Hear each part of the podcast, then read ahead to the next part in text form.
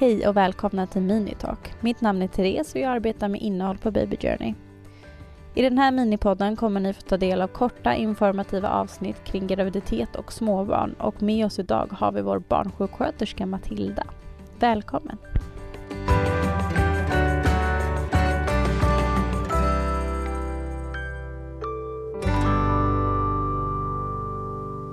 I dagens avsnitt kommer vi prata om amning som är ett känsloladdat ämne för många. Vissa är rädda inför amningen, andra är oroliga för hur det ska gå och en del tänker inte alls på det. Vad är viktigast att tänka på tycker du? Det som är viktigt att ta med sig från början är vad man själv vill eh, och känner kring hela amningen. Ehm, sen när man väl börjar amma så ta hjälp redan på förlossningen och på BB för att se hur barnet ligger till dig och kolla barnets sugmönster och grepp om bröstet. Så att det blir rätt från början. Toppen.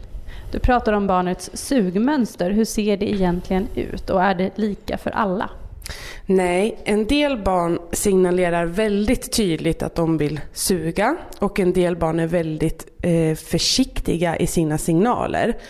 Eh, tecken på att barnet är hungrigt och vill suga kan vara att de smackar med munnen eller slickar sig runt munnen, börjar gapa, kan ligga och titta lite och föra händerna till munnen.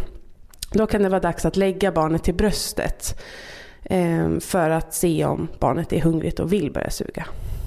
Okej. Och hur ofta vill ett barn amma? Det är väldigt individuellt, men första tiden så vill barnet ofta amma kortare stunder för att sedan komma in liksom i ett mönster som är att de ammar intensivt och eh, tillfredsställande en typ 5, 10, 15 minuter och sen är de mätta kanske två timmar. Medan andra barn ammar 10 minuter, sover en halvtimme och ammar 10 minuter igen. Man får helt enkelt följa med barnets mönster och ju större barnet blir desto mer effektiv kommer barnet bli vid amningen. Okej. Eh, men hur vet jag då att mitt barn är mätt? Ja, första tiden är det också svårt att veta eftersom att signalerna kan vara lite otydliga. Men generellt kan man säga att om barnet efter amning släpper bröstet och somnar, då är barnet troligtvis mätt. Ska man amma med ett eller båda brösten? Eh, det där är också individuellt. En del eh, mammor och barn, men framförallt mammor, har tillräckligt mycket mjölk i ett bröst för att barnet ska äta sig helt mätt på ena sidan vid en amning. Eh, och då innebär ju det också att barnet är tillräckligt eh, stort och tillräckligt duktig på att amma eh, på en sida för att bli tillräckligt mätt. Eh, så man brukar ändå rekommendera att amma båda brösten ungefär 5-10 minuter per bröst under första tiden för att också komma igång med mjölkproduktionen. Annars finns en risk att det ena bröstet tar över mjölkproduktionen om man inte ammar båda sidorna. Men man behöver inte alltid amma båda brösten. Okej, tack så mycket. Hur vet jag att min bröstmjölk räcker till?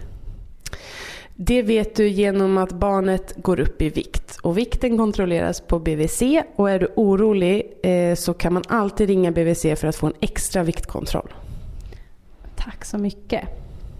Om jag upplever att mitt barn inte blir mätt, kan jag från start tilläggsmata med ersättning då? Det kan du göra. Eh, de flesta barnen kan variera både amning och flaska. Men rekommendationen är att man etablerar en god amning först.